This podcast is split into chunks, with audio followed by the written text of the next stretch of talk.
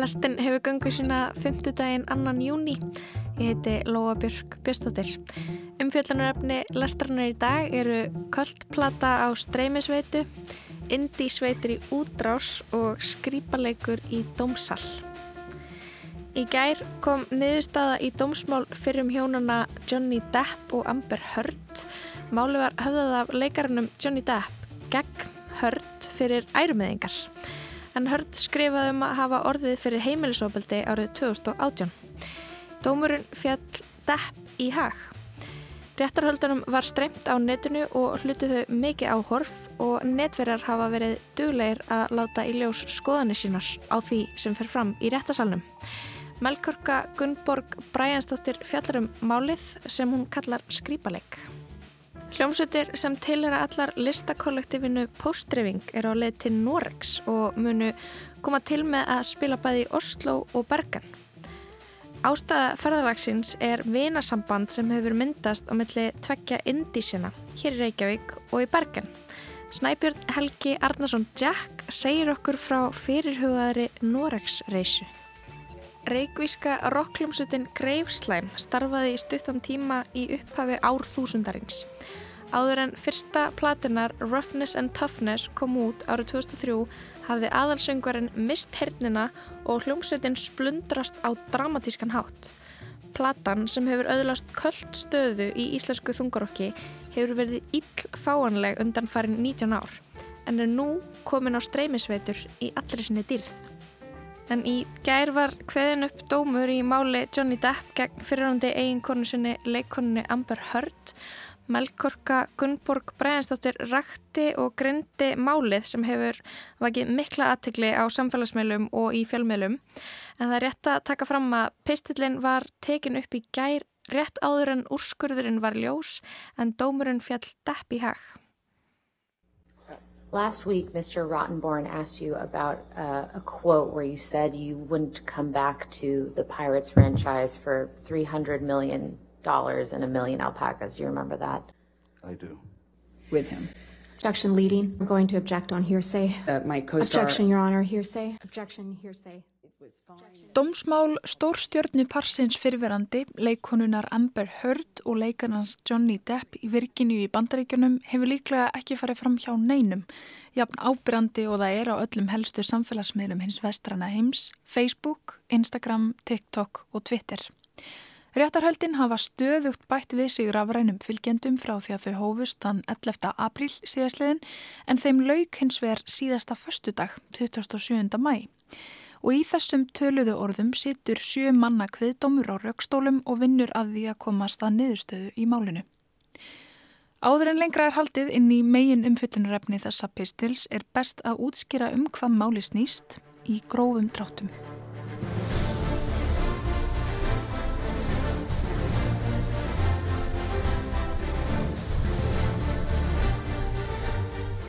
Johnny Depp þarf valla að kynna en hann hefur um langt skeið verið einn ástsælesta stjarná og mesti hjartaknúsari Hollywood með gríðarlegan fjölda aðdáenda en Amber Heard er einna þekktust fyrir hlutverk sitt í kvikmyndinni Aquaman. Fyrrum leikarahjónin Heard og Depp skildu árið 2017 eftir tveggja ára hjónaband.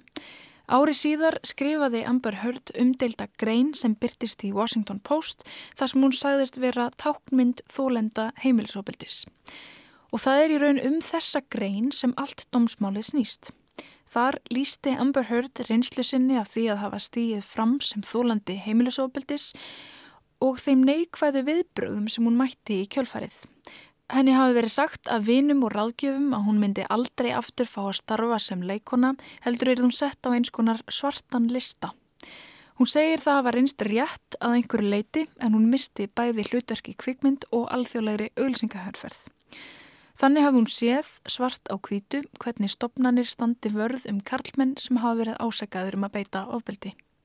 Í greininni nefnir hún Johnny Depp hvergi á nafn en lögfræðingum hans þykir þó augljóst hvern um ræðir. Í kjölfar greinarinnar var Depp fyrir stórvægum tekju og atvinnumissi sem leiti til þess að hann kærði fyrverandi einkonu sína fyrir ærumeðingu og fór fram á 50 miljónir bandaríkjadala í skadabætur. Gefin var út yfirlýsing um að fullirðingar Amber Heard væru legar sem hefðu kostað depp bæði kvikmyndaferilsinn og orðspor. Þetta leiti til þess að Heard kæriði Johnny Depp á móti, einning fyrir ærimeðingu og í þetta sinn fyrir 100 miljónir bandarækjadala. Á þeim sex vikum frá því að réttarhöldin hófust hafa þessar tvær fylkingar tekist á um sannleikan um samband stjarnanatvekja þar sem báðir aðilar ásaka hinn um endurtekið heimilisofbildi, bæði andlegt og líkamlegt í því sem óneitanlega hefur verið stormasamt hjónaband. Í vittinsburði sínum málar Amber Heard Johnny Depp upp sem ráðríkan eiginmann sem beitti hana líkamlega ofbildi gerðnan eftir að hafa ásakað hana um framhjáhald. Hún segir samband þeirra af að litast af ofbeldisminstri sem brust yðurlega upp á yfirborðið þegar tepp var undir áhrifum áfengis eða fíknefna. Hann ætti það til að springa, kíla í veggi við höfuðennar, hrinda henni gólfið og slá hana ídrekað. Grófasta ásökunin er svo að á ferðalagi hjónana til Ástralíu hafi Depp tróðið flösku innum leggung hörd eftir að hafa tekið eiturlifið MDMA. Veitnisbörður Johnny Depp er aftur á móti gjör ólíkur. Hann hefur allt aðra sögu að segja af sambandinu og segist aldrei hafa slegið hörd nýja nokkra aðra konu. Þvert á móti hafi hörd verið ábyldismanneskjan í sambandinu, ódreknarlegi skapi og sífælt reynd að stopna til röfurilda. Hún hafi tekið reyðikost og kallað depp öllum íllum nöfnum sem leti gerðan til líkamlegs ofbeldis af hennar hálfu. Hann hafi ekki beitt hann að kynferðisofbeldi þetta örlaguríka kvöld í Ástralíu heldur hafi hún þvert á móti hendi í hann vodkaflösku með þeim afleðingum að flaskan brotnaði og veitti honum slæman áverka á fingri hægri handar. Hann hafi beilinis hort á beinið stingast upp úr fingrinum þar sem fingugómurinn hafi ripnað illa. Fyrrum makar Johnny Depp hafa reynd stóðum undir fulleringar hans sem sakleysi en meðal annars þvertók fyrirsætan Kate Moss fyrir það að Depp hefði hrind henni niður stiga á meðan þau voru saman. Did Mr. Depp push you in any way down the stairs? No. Uh, during the course of your relationship, did he ever push you down any stairs? No. He never pushed me, kicked me, or threw me down any stairs.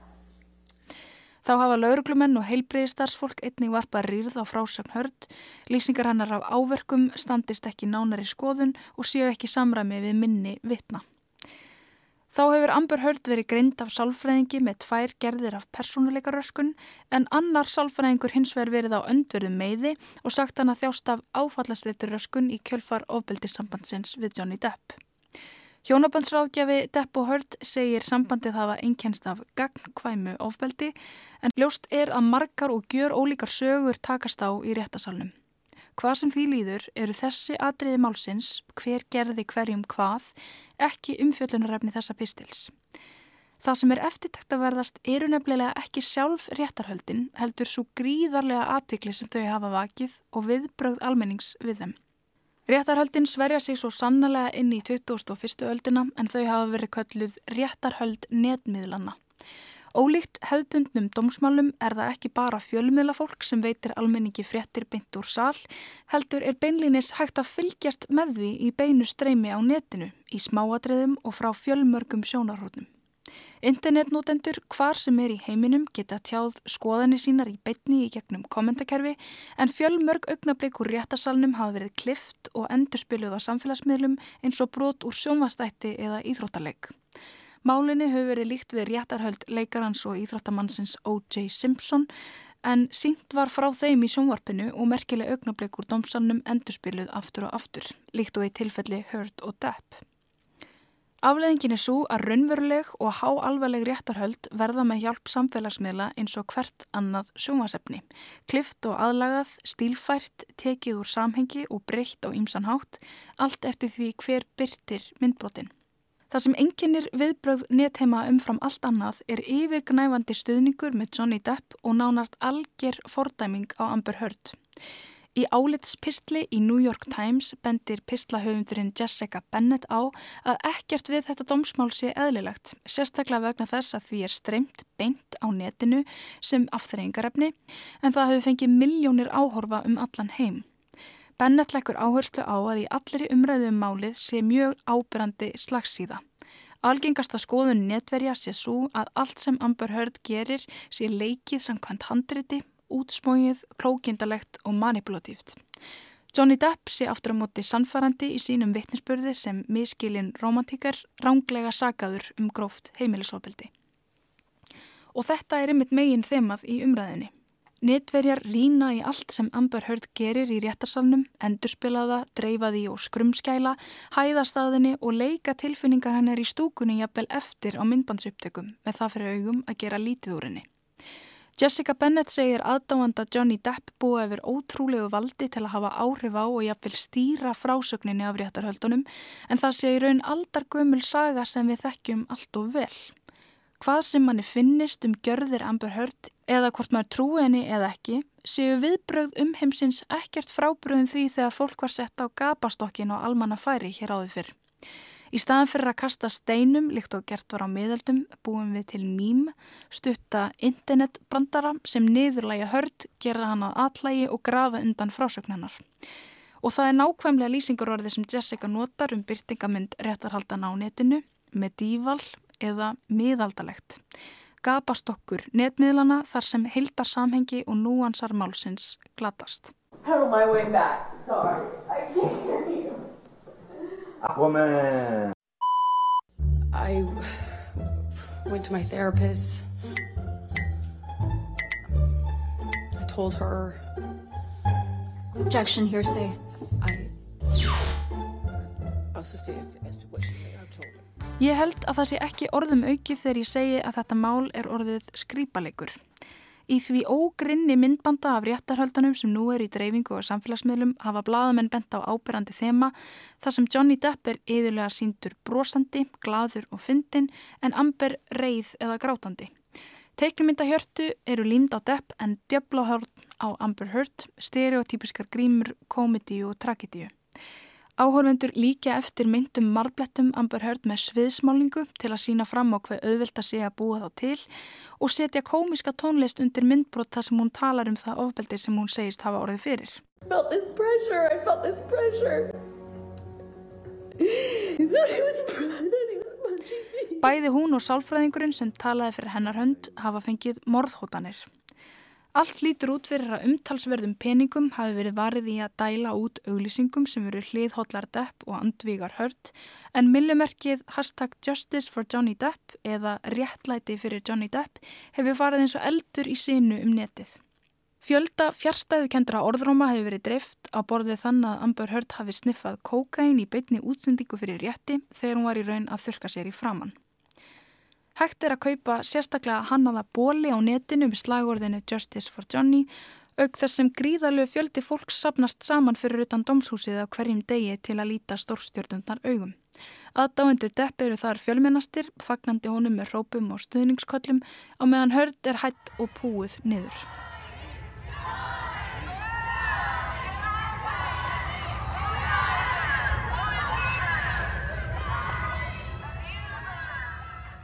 Einn sérlega kapsamur aðdándi mætti með tvö alpakkadýr í eftirdrægi til að reyna að kæta depp á leiðsinni inn og út úr domshúsinu. Á fjórða degi réttarhaldana þurfti að fjarlæga tvo depp aðdáendur úr réttarsalnum þegar í ljós kom að þeir höfðu hótað Amber Heard lífláti á netinu. Barátt að depp fyrir sakleysi sínu hefur líka laðað að sér ólíka hópa stuðningsmanna en meðal þeirra eru svo kallar karlréttindasinnar eða á ennsku Men's Rights Activists og fjölmjöla fólk á hægri væng stjórnmólana. Jafnvel þó það komi á daginn að Johnny Depp sé saklaus, bendir Jessica á að þessi réttarhöld séu lýsandi dæmi um þær staðalmyndir sem gjarnæni beitt til að draga frásagni kvenna í Eva. Allar kleysjurnar hafa verið notaðar, Amber Heard verið líst sem andlega óstöðugri, hysterískri, peningagráðugri, sem tálkvendi sem laði til sín ástmennum miðja nætur, sem sníkjutýri sem hafi leift vinum sínum að gista frít í mörgum af húsum Johnny Depp og sem aðtekli sjúkri konu með óslökkvandi þörf fyrir dramatík. Allt skólabókardæmi sem fela í sér auglósa undirtóna kynjamisrettis og fordóma. Ekki nómið það heldur hefur verið íað að því að einn af lögfræðingum Johnny Depp, Camille Vasquez, sem hefur notið mikillar hilli aðdáðanda hans, sé í einhvers konar romantísku sambandi við skjólstæðingsinn. Þá var doktor Shannon Curry, sérfræðingur sem var kölluð sem vittni, sögð hafa skipst á augnkvotum við Depp þegar hún flutti vittnisspörð sinn fyrir dómi. Það er líkt og flestar þær konur sem hafa komið að málinu hafi verið sagðar gyrnast depp kynferðslega. Michelle Dauber, professor í lögfræði við Stanford Háskóla sem hefur rannsakað kynbundið ofbeldi, segist uggandi yfir umræðinni um málið. Svo gleði sem fólk láti í ljósi yfir nýðurlægingu Amber Heard valdi henni áhyggjum, það sem það er líkt og fólk hreinlega njóti þess að sjá hana lítilækka það. Og það er eitthvað mjög óþægilegt við gæju þörf fólks gagvart þessu máli eins og að það fái kikk út úr allri fræðinni, dópinu, ríkidæminu og fyrringunni en einni yfir ógeðinu og ofbeldinu, saur á hjónarúmi og blóðugum skilabóðum skrifiðum á vegg. Maður spyrsi svo hvort heimsbyðin hafa ekki mikilvægri hnöppum að neppa. En fréttaefni um réttahöld depp og hörd hafa fengið meiri viðbröð á samfélagsmiðlum í bandarækjunum en öll önnur stórvægileg umfyllunarefni fjölmiðla þar með taldar viðræður öldungadildaþingsins um bann við þungunarofi og innrás rúsa í Úkrænu. Spurning hvað það segir um forgangsröðun fólks, fjölmiðlanistlu og áhugaðsvið. Allt þetta er svo að eiga sér stað á mjög sérstökum tíma í okkar menningarsögu í kjálfar MeToo-bylgjunar sem er enn stöðugt að fæða af sér nýjar frásagnir af kynbundnu ofbeldi. Þá ber að nefna umræðu öldungadeildar bandaríkjaþing sem rétt kvenna til þungunarofs sem hefur allir miklu fjadrafóki undarfarna vikur en frumvarp demokrata um að binda þennan rétt í allríkislögur ríkisins var felt þann 11. mæ síðastliðin. Niðurstaðan hefur vakið hörð viðbrögð en mörgum þykir hún risavaksi skref aftur á bak í réttinda baráttu kvenna.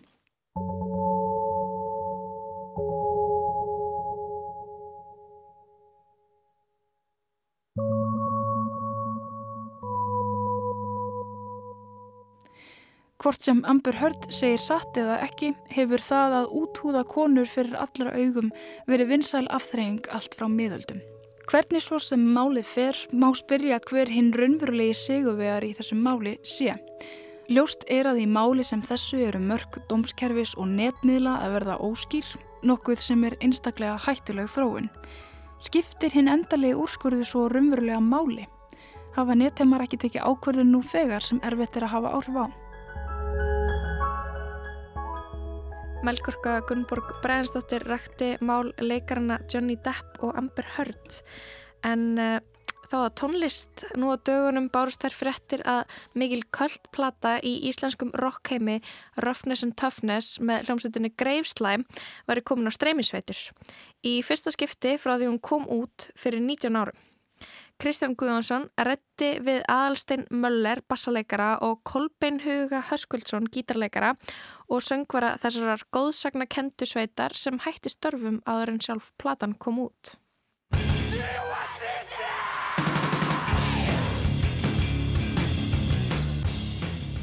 Mér finnst alltaf gott, ég, ég kíkti á hérna, Wikipedia síðu, síðu Greifslæm og mér finnst hún svo hérna, skilmerkileg, hérna eru tvær setningar um, Greifslæm var íslensk stoner rock eða þungarock sveit sem starfaði frá 2000 til 2002 Plata þeirra Roughness and Toughness var gefin út árið 2003 og hefur öðlast kvöld stöðu. Hérna, um, er þetta ekki bara, bara sammálað þessu öllu saman eða hvað? Skrifuðu þið þetta? Nei, skrif, eh, ég skrifaði þetta allavega ekki, ég veit ekki hverju þið skrifaði þetta, en þetta er allavega öruglega, við, við vorum einmitt að reyna að pæla í því sko hvena, hvena var hljómsveitin í gangi, en það er sem sagt á Wikipedia, þannig að þar hefur við það svar aðalsteit 2000 til 2002 já, ætli, ég held að þetta, þetta hljómar þetta meikar allt sens fyrir mér sko. Ég vissi ekki við værum á, á Wikipedia sko. Ég sé það hérna núna. Og Roughness and Toughness er líka á já, það er lagalist og allt einmitt. Ég kann segja það. Hérna það segir hérna að hún hafi öðlast kvöld stöðu og ég, ég held að ég verði að vera sammálaði hérna ég sá aldrei greifslæm á, á tónleikum og kynntist, kynntist tónlistinni þarna svona örfóðum árum eftir að, eftir að platan kom út og, og dýrkaði þetta. Hérna hvernig er svona ykkar upplifun? Hafið þið upplifað að, að svona hún eigi sér heita aðdáendur og, og, svona, og, og sér svona kvöld í einhverjum kreðsum Ég hef algjörlega upplifað það. Ég, hef verið í mörgum hljómsveitum síðan þá og ég held að sé ekkert prójekt sem ég hef verið í sem að ég er einhvern veginn enn, sem að fólk er ennþá alltaf að spyrjast fyrir um og hafa áhuga á sko 20 árum síðar þannig að mér finnst að ég hef algjörlega upplifað það að platan hafi einhvern veginn náða að krauma undir í nokkur ár og, og, og, og fólk hafi mikið hlusta á hana og það hefur kannski meira segja hjálpa henni að þú veist hún kom út í 500 eintökum uh, og ekki verið auðvelt að nálgast hana því að þanga til hún var bara kom núna á, á streymisveitunar þá veit ég ekki einu svona hvernig, jú, hún var, hún er, ég upplótaði henni fyrir nok nokkrum árum á, á svona secretly eiginlega á Soundcloud en þanga til var eiginlega ekkert hægt að heyra hana Nei, eða veist, ég held að þú bara þurftir að eiga diskin eða, eða finna hann á, þú veist, eitthvað, dildu.net eða eitthvað, ég veit það ekki. Þannig að ég hef al algjörlega upplifað það þannig að, að fólk, þú veist, að hún hafi smá svona kvöld status að því að fólk er að spyrjast fyrir um hana og hún hefur verið svona pínum mystisk fyrir fólki bara því að það hefur verið erfitt að nálgast hana, býst ég við. Já, það er sama hérna, ég hef svona fengið alls konar skrýtnar fyrirspurnir frá einhverju fólki sem ég þekki neitt og er, veist, alveg kynnslóð á eftir mér í aldri og eitthvað sem að verið hlusta á þetta, vinir, hérna, bróðu míns og eitthvað alls konar og sem hafa komið svona skemmtilega óvart. En, þetta var aðgengilegt sko á, held ég á tónlist.is á svona tíma. Og svo var einhver eh, grjótarður aðdáðandi sem að setti plötuna alla á YouTube og hérna ég held að hún hafi hérna, það hafi talsvægt mikið hlusta á hana þar. Og einhver annar snillingur setti sko klukkan hvað sko á hvert lag var og skrifaði nöfnin á lögunum og allt sko. Þannig að þú gæst hoppað í næsta lag og hafði sérstætt það var eitthvað í uppáhaldi sko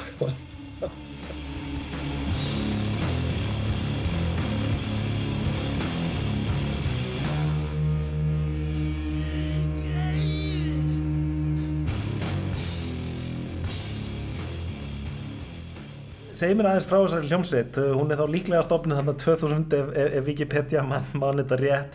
Eh, einhvers staðar sá ég að það hefði eiginlega bara verið eh, hljós, þetta frábæra hljómsveitarnafn sem hafi verið upprænlega kveikjan. Er, er eitthvað til í því? Að vissu leiti, nafn, nafni kom fyrst ég en, en ég og Aðalsteinn hafði nú verið saman í tveimur hljómsveitum áður. Fyrsta hljómsveitin sem við vorum í uh, var punk hljómsveit sem að hétt Þrýr Hressir og við vorum í henni með strax sem að heitir Hrólfur Viljámsson og við gáum aldrei neitt út. Og svo vorum við í annari svona annari hljómsveit setna sem að hétt Thundergun og þar vorum við svona kannski aðeins að fara í þessa átt tónlistarlega. Það var svona rock and roll band með pínu svona já, pínu svona stoner áhrifum svona, svona riff band en basically nafni kom fyrst og svo fannst, fannst okkur einhvern veginn nafni svo fyndið að, að, að okkur fannst við verða að, að þurfa að gera eitthvað. En, en á þessum tíma það var ekkert auðvelt alltaf að finna trommara sérstaklega og æfingahúsnæði og þannig. Þannig að það tók okkur mjög langan tíma að reyna að koma, finna trommara og endanum fundum við bara engan trommara. Þannig að við basically báðum vinn okkar sem kunni ekkert á trommur Ólaf Steinsson sem að var síðan í bandinu um að læra á trommur til að geta spilað í þessu bandi. Og það tók hann svona sex mánuði eða eitthvað að læra og, og mik mikla þólinmæði frá mér og aðalsteini því að við veist, vorum basically í sex mánuði á hljómsveitræfingum að spila fyrsta lægið á plötunni bara aftur og aftur þanga til þú veist bara Óli var búinn að ná að læra á trommur sem var, var mjög impressive hjá honum að læra að spila á trommur á sex mánuðum en, en krafðist eiga sér mikillar þólimæði Já, við vorum ekki heldur eitt sérstaklega svona kannski auðveldir í því að við vorum báðið miklu svona aðdáðandir af hérna hljómsveitum sem heitir Melvins og, og trommarinn í þeirri hljómsveit er mjög svona hérna uh, er mjög þekktur fyrir mjög óhefbundna takta og svona mjög flókna flókin trömmuleik og ekki margi sem að kannski hérna stíga einhvern veginn í hans spór þannig að það mátti ekki vera double kick og, og það, það mátti ekki vera svona mátti ekki bara dett inn í hérna, einhvern metallica sko, einhvern takt, það var alveg bara no, no, no, sko, það var allt vittlust, sko, þannig að þetta var alltaf verið eitthvað rosalega skrítið og, og greiði óli, það var alveg pískaður áfram með þér, en, en hérna, núna þegar ég hlusta á plötuna, sko, ég hlustaði ekkert á plötuna í uh, svona 18 ár. Ég hef eiginlega aldrei hlustað á þessu plötu. Og hún kom einhvern veginn út og, og við hættum og það voru mikið dramatík og, og hérna einhvern veginn og, og svona ósætti hérna mill okkar og, og bara leðilega tilfinningar og ég hlustaði ekkert á plötuna og bara einhvern veginn setta bara einhvern veginn í skúffu en svo hlustaði hana núna 90 árum setna eitthvað og þá er það eiginlega mest að ég tek eftir hvað trommurnar eru geggjaðar á trom- hérna, plötu finnst mér sko. Og hann kunni ekkert á trommur sko. Það var gítarleikari.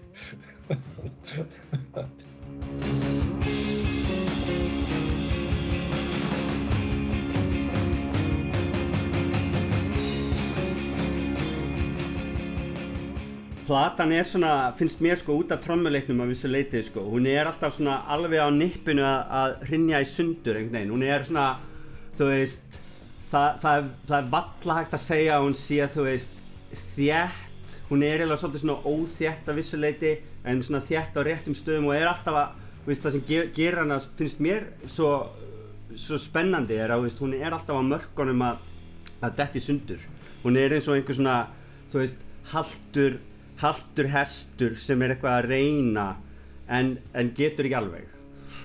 En svo næra hann sér eins og hann á góða spretti sko og þá verður maður alveg dolfallinn sko einhvern veginn það, já, ég upplifði þetta líka svolítið þannig sko.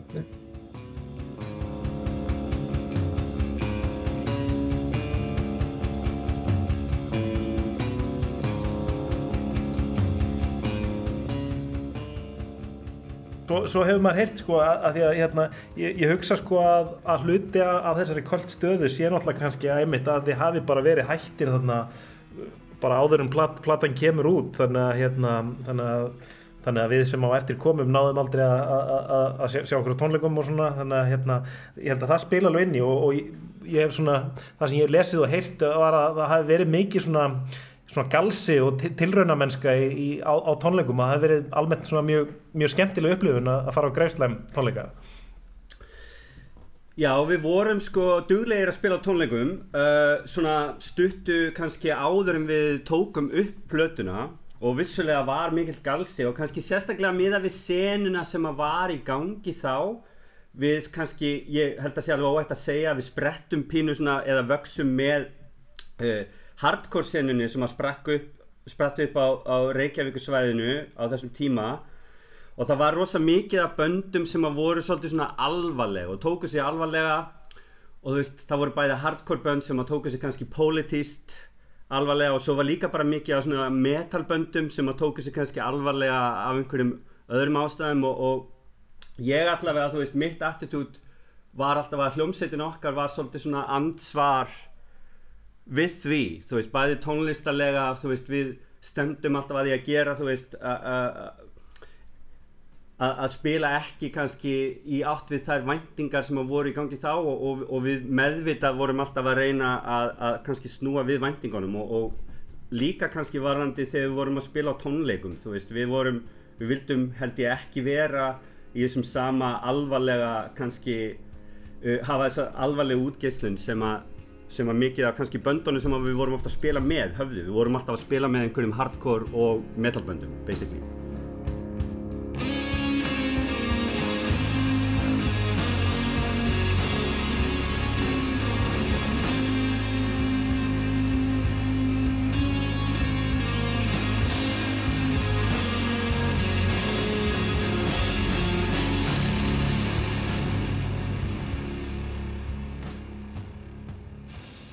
Svo náttúrulega líka þetta stórkostlega plötu umslag sem er náttúrulega bara hérna svona með, með þeim betri held ég íslenskri, íslenskri eh, pop, pop sögu sko. Það sem þetta er, hvað ef þið getur líst þessu, hvað, hvað er þetta? Höfrunga hérna kjötsúpa einhver þarna sem er framan á? Já, einmitt. Það er kannski skemmtilegt að segja frá því að fyrir myndatökuna sko það er semst mynd við, fyrir, að því að þetta er útastáttur kannski til þess að lýsa umslæðinu þá er skál svona eiginlega súpuskál með einhverju ógeði. Það er eitthvað ógeð og, og það er kannski skemmtilegt að segja frá því að, að, að Kristján Freyr Einarsson sem að hannaði coverið í, í samvinnu við okkur við byggum til ógeðið og léttum að standa hvað lítur við að standa alveg, það stóði einhverja viku eða eitthvað, þannig að það var orðið mjög ógeðslegt. Áður en við ljósmyndum ógeðið uh, já og svo ég man nú ekki alveg hvernig höfrungadæmið kom, kom inn í en basically til þess að lýsa plötunni eins og að því að hún er náttúrulega frekar illfáanleg hún kom upp alveg út á geisladiski þá er geisladiskurinn eins og sólsetur sem að maður setur onni vasan á plötunni sem maður lítur út svona eins og vatn og svo getur maður snúið diskinum og þá stekkur höfrungurinn upp úr vatninu fyrir framann sólsetrið og, og, og, og ofan í vatni aftur. Þannig að hún er svona ógeðsleg að utan að vissu leiti og, svona svolítið að innan. Já, ég, ég man ekki hvort þú mannst eftir þessu kolli en það vorum að gera hérna kolbinn og svona eiginlega höfundurinn af því sem var inn í umslæðinu og, og, og Kristján og, og kannski ég vorum áttur kannski stærri þátt í þessu sem var utan en, en hérna sagt, uh, hann bjó íbúð sem ammans hafði búið í og við fundum þar gamla sveppasúpu, svona pakka sveppasúpu.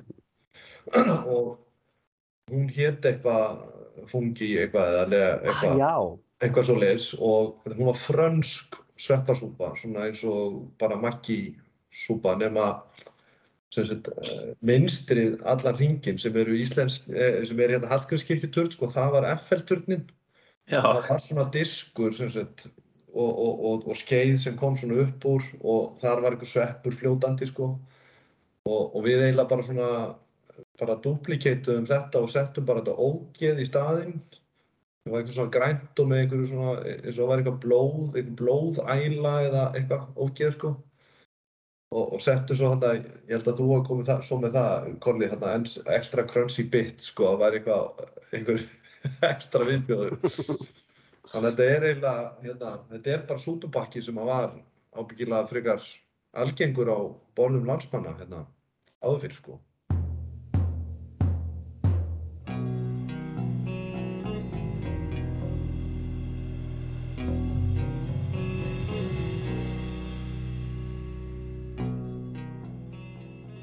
Við hættum í hljómsveitinni, það kom upp svona eitthvað, eitthva, við spiluðum basically á tónle seinastu tónleikarnir sem við spiluðum voru á menninganótt, ætlaði að hafa þá ekki verið 2003 og við vorum að spila þrjá eða fjóra tónleika þetta, þennan dag. Og, og við spiluðum eina tónleika þar sem að ég bara, þú veist, rústaði eiginlega á mér eirunum og ég fó bara í svona geðið þunglindi eftir það og ég held ég geti aldrei gert tónlist aftur og eitthvað og var pínu lengi að jafna mig á því um, þannig að ég eiginlega veit ekki alveg hvers, hvernig viðbröðum fekk þegar ég basically ég í svona alveg daldinn tíma vildi bara eiginlega ekkert með þessa plötu að hafa. Eftir það, þú veist ég, þannig að ég, ég var ekki mikið að bera mig eftir upplýsingum. Uh, þannig að aðalsteir getur kannski svarað þeim. Ég veit að við, við byggum til plaggut og við auglistum hann eitthvað en ég man ekki hvernig Nei, en það er alveg rétt sem þú segir, það er náttúrulega eiginlega svona, já þessi atbyrður einhvern veginn leta okkur svona í sundur, ljómsveitin hætti bara og veist, við höfum búin að eyða allir þeirri orku sem var talsverð í þessa plötu sko, og líka öllum peningunum okkar. Og sem voru mjög af skortnu skamta þessum tíma líka, maður átti ekki eins og fyrir gítanöglum sko og, veist, og þetta var bara eitthvað, maður hlær bara þess í dag sko, þú veist.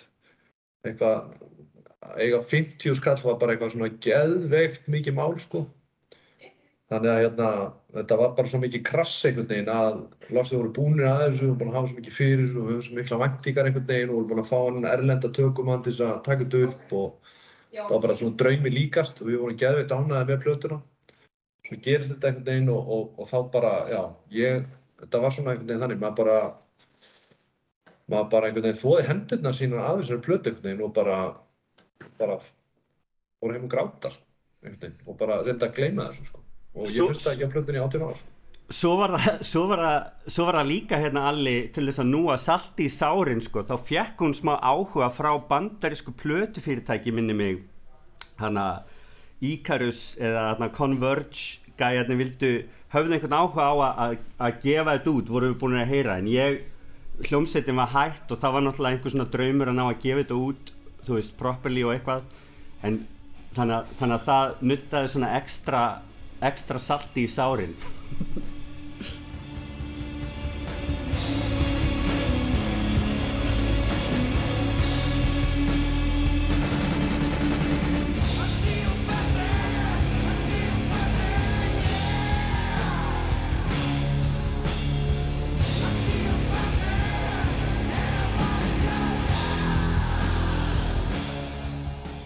En, en, en Kolli, hvern, hvernig fór með hirnina? Ég meina, þú, þú hefur nú, varst nú í einhverjum og hefur verið í alls konar tónlistaverkefnum eftir þetta.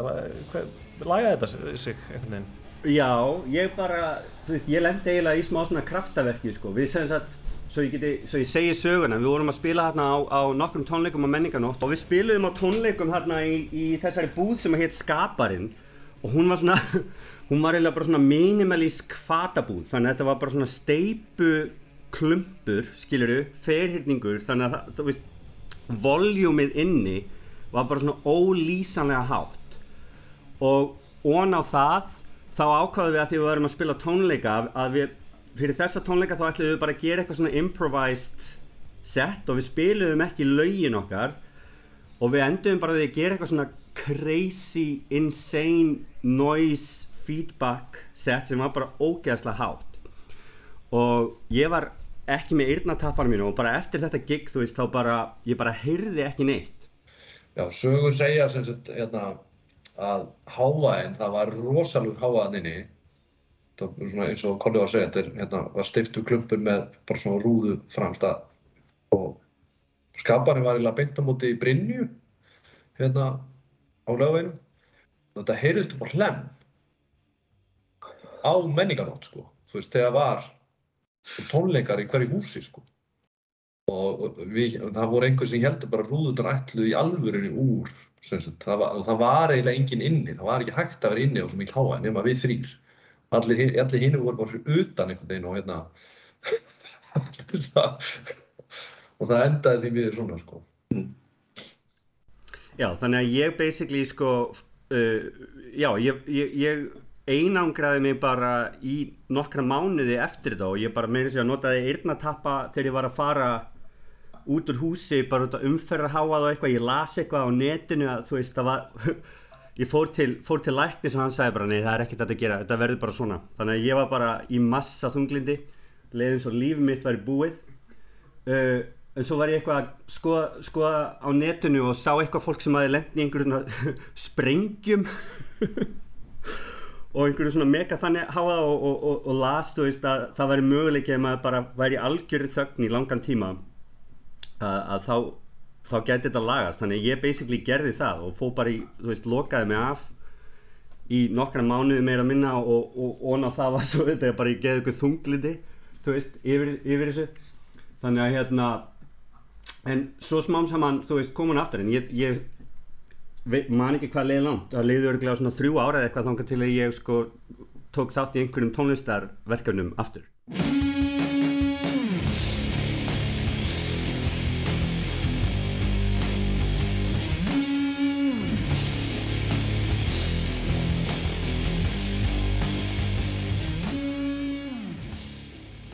Við bara einhvern veginn hérna, tölumst bara uh, eiginlega ekki neitt saman sko. við mistum bara þráðinn alveg og, og ég man ekki hvernig við náðum húnum aftur upp sko. svo bara setna var Óli komin í skáta svo varst þú komin í skáta Kolli og, og hérna, þetta er svona aðeins sami svipaður hópur hérna, þannig séð og eitthvað og, og hérna og menn fór bara að gera veginn allt annað og ég hætti bara alveg í tónlist hérna, gerði bara ekki neitt og eitthvað.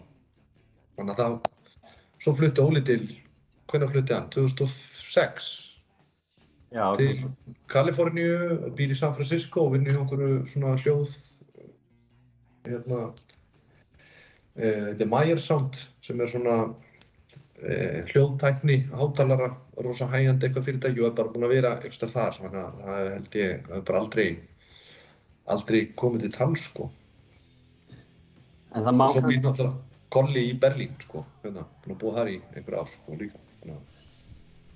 en það er hægt að bæta því samt við enga síður að hérna þú veist fólk hefur oft, oft sagt þú veist rock is dead. Hefur maður oft á einhverjum svona bólum og eitthvað. En hjá Greifslam í því tilfelli þú veist þá er slókanin alltaf rock is undead.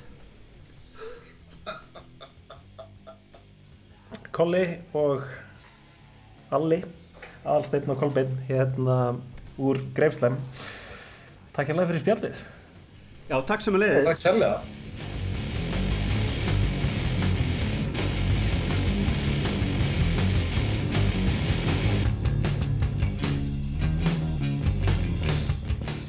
Tónlistaflautinni Roughness and Toughness með hljómsættinni Greifslæm. Kristján rætti þarna við Kolbein Huga Höskuldsson og Aðalstein Möller, tvo af þremur meðlumum hljómsveitarinnar. Við ætlum að halda áfram í tónlistinni. Við fengum til okkar góðan gest í lestina Snæbjörn Helga Arnason Jack. Hann á leiðin til Norex á samt fleiri hljómsveitum úr listakollektífinu Póstrefing en fyrst verða haldnir fjárublunar tónleikar.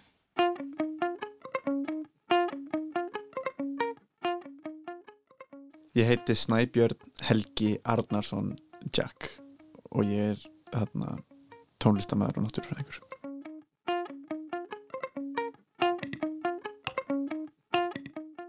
Einn meðlemur listakollektífsins Póstdreifing er sestur hérna hjá mér. Um, Vertu velkominn, Snæi. Takk.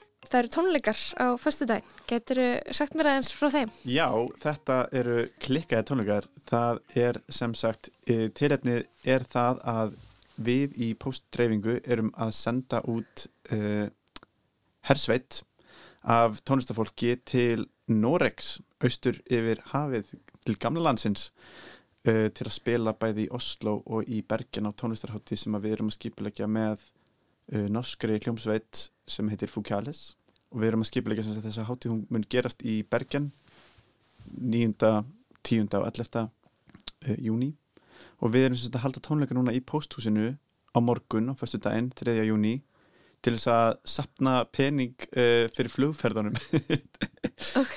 um, en það, við ætluðum fyrst að vera bara tíu að fara uh, út en svo leist svo mörgum vel á þetta að það, hópurinn hefur bara stækkað og núna erum við sex uh, atriði. Og þessi tónleikar úti sem þið eru að, að reyna að komast fleiri á, Norris Superclub, uh, stendur uh, á, á lýsinguna þeim að þetta sé í rauninni í annað skipti sem þeir eru haldnir. já Hvenær hafið þið gert þetta áður? þetta var sko uh, sagan á bakvið þetta er að uh, hljómsveitin Fukales frá Bergen vann uh, svona norsku músiktilrunir árið 2019 og fengu að koma uh, fengu eitthvað svona ferðastyrk og þau sóttu um á tónlistarhátti sem ég er búin að vera að skipulegja uh, á hverju ári sem að heitir Háttíðni og er núna aftur í ár 1. til 3. júli á Borðeri í Vesturhúnu og Síslu en þarna, og þau komið þangað á Borðeri og við kynntum þeim svo vel að, að, að, að þegar þau fóru tilbaka þá voru við alltaf eitthvað svona að já, ég safnið dag og eitthvað svona um, og við ákveðum að gera eitthvað saman og þannig að við vildum halda saman tónlistarháttíð en það var náttúrulega bara byllandi heimsvaraldur og við gáttum ekki uh, verið að fljúa til uh, landa hvers annars. Þannig að við hittumst bara Zoom og við ákveðum að halda eitthvað svona streymis hátíð sem að þarna, það sem að við myndum í raun og verið að halda tónlistarháttíð sem var að gerast bæði í póstusinu í skerjafyrðinum og á stað sem að heitir mm, ég held að hann hafi heitið þarna, að ég manni hvað hann heitir en hann er í Berg, Bergvin Mm. uh, í Bergen. Og þannig að þetta var að gerast á sama tíma bara partí á báðum stöðum. Og svo vorum við bara búin að heyri allum vinum okkar um að fá að lána webcam, webcams hjá þeim. Og fengum rátir hjá Nova og við bara tengdum þetta allt saman. Og sendum bara útsendingu frá posthúsinu til Norex og Noregur var að senda útsendingu til okkar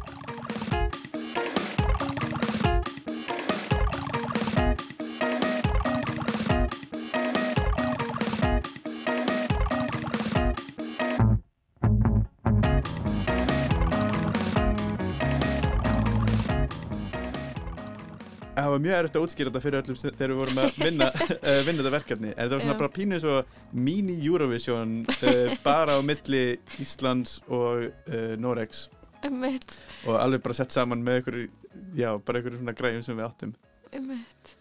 Og þið eru eitthvað svona, eh, komið svona vina senu úti. Þeir eru, eh, hvað við segja, ég sá að þið skrifið bæði D-E-T og D-E-Y sem ef, þú getur útskýrt aðeins hvað það þýðir eh, Já, fyrir þeim sem um, ekki þekka þessi hugtök. sem sagt, ég er hluti af listakollektífi hérna á Íslandi sem heitir Postdreifing og var stopnuð 2017 og við höfum svolítið unnið út frá þessu að þróa þetta uh, samvinnu hugmyndafar sem við köllum DIT, uh, Do It Together á íslensku verið það hérna, Gera það saman. Þarna G-þ-s.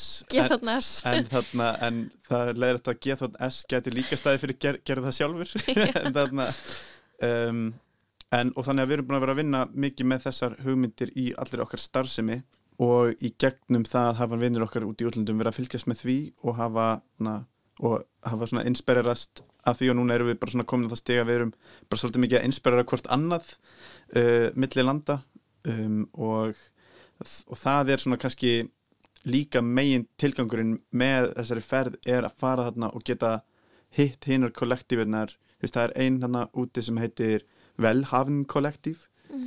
uh, sem eru listamenn í Bergen, hljómsveitir og myndlistafólk og ljóðskáld og alls konar um, við erum bara að hitta þau og ekki bara spila tónlist fyrir hvort annað Uh, heldur líka spjallaræða, við erum að fara að vera með panela og námskeið og við erum með sæn það, um, sem er svona lítill blæðlingur af, af textabrótum, ljóðum, myndum og aðna frá, frá báðum aðlum, svona lítið bókverk. Einmitt, uh, Þannig að þið er að fara að spila tónlist og líka eitthvað neginn með svona smá vinnustofur og, og læra af hvort öðru. Já, og raun og veru bara auka uh, vinottu á milli þessara tveggja uh, sena mm. um, því að hver þarf ekki fleiri vinni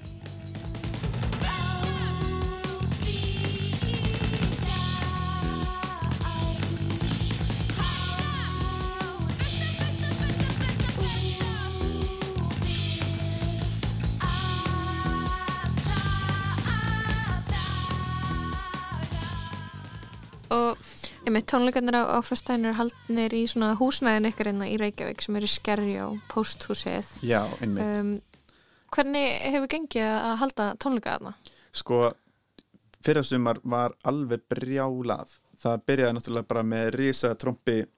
Það var þarna Raflost Festival sem að uh, held eftirparti í posthúsinu sem bara alveg sprakki tætlur og komur bara svona 300 mann svo eitthvað tróðfylltu staðinn uh, tvær, tvær nætur í rauð og svo bara endaði því að vera bara hver einasta helgi og bara brjálega reysa partí um, og tónleikaðar og, um, og það gekk þannig út allt sömarið svo þarna löðustu svolítið í dvala í vetur en núna erum við komin aftur Haldið að sömarið verði að klikka á senstu sömar? Uh, ég vona að það verði um, ég vona að það verði allavega eins klikkað sko, og eins skemmtilegt.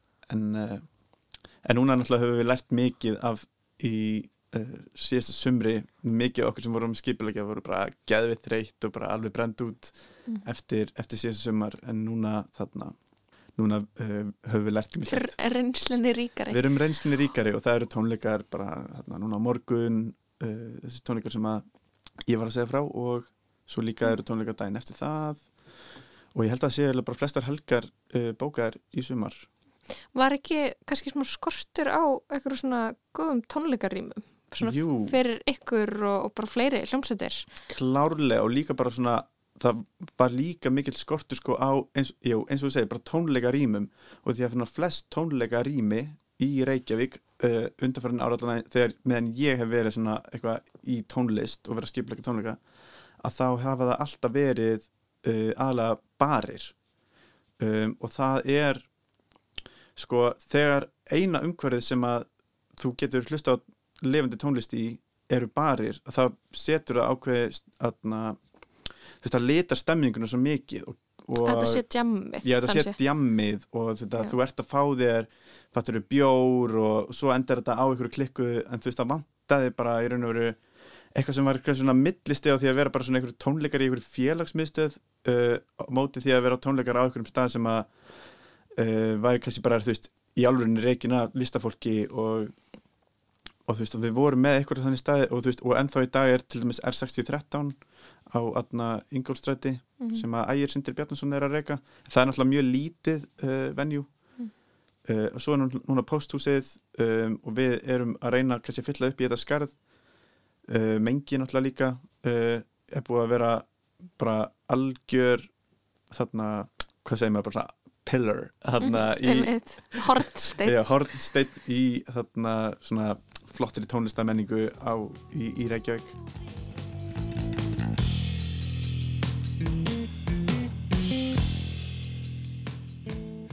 Getur þú sagt mér aðeins frá þessari hljómsveit Fúkales, hvernig tónlist er þetta? þetta er uh, þetta er svona indie rock sko.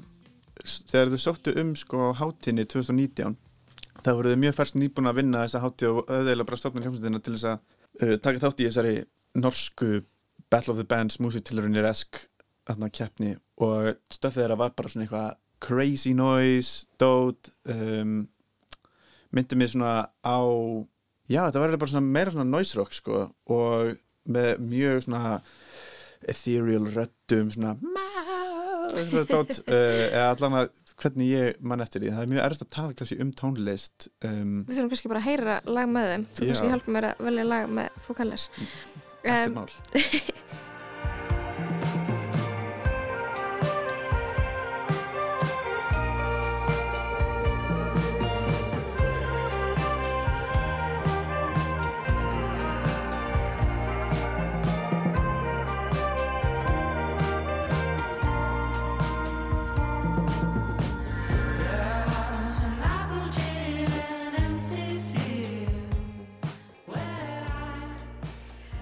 Það er spennandi sumar framöndinu ykkur, bæði tónleikar á föstudaginn og svo aftur í næstu viku í Noregi, tveir þar í Oslo og Jú, Bergen. við spilum í uh, Blå, á tónleikstæðanum Blå í Oslo um, 9. júni uh, bara daginn sem við fljúum inn og síðan í fyrramáli þá munum við taka lest til Björgvin og þar er þessi hátíð sem við erum búin að vera að skipulegja í samstæri við Ekko Bergen og Östre uh, sem er tónleikastæður það er svona pínir svo mengi í Bergen ef að hlustinu kannast við mengi Mhm. að um, og þá spilum við þá, þá hátíð og þetta eru sem sagt sex íslenskar hljó, uh, hljómsveitir Hvaða hljómsveitir eru að fara? uh, þetta er hljómsveitirnar Side Project Gróa, Final Snack Final Boss Type Zero uh, Flarir og DJ Melarito de Jere Góða skemmtun á, morgun og góða ferð til Norex. Já. Takk fyrir spjalli Snæi Jack. Lag með hljómsveitinni norsku Fukales sem stendur í skipulegningu á Norris, norsk-íslenskri tónlistarháttíð ásamt íslenskum hljómsveitum þar sem ungt hugsunafólk mun taka yfir tónleikastæðin Östre í tvo daga og brúka hann til góðra hugrenninga og trillts gleðihalds eins og kemur fram á Facebook viðbörunum. Við rættum þarna við Snæbjörn Helga Arnason Jack en uh, lestin verður ekki lengri í dag. Við verðum í fríi á annan í kvítasunnu þannig að næsti lestaþáttur verður á dagskrá á þriðjudag. Tæknumæður var Lydia Gretastóttir, ég heiti Lóa Björk, verið sæl.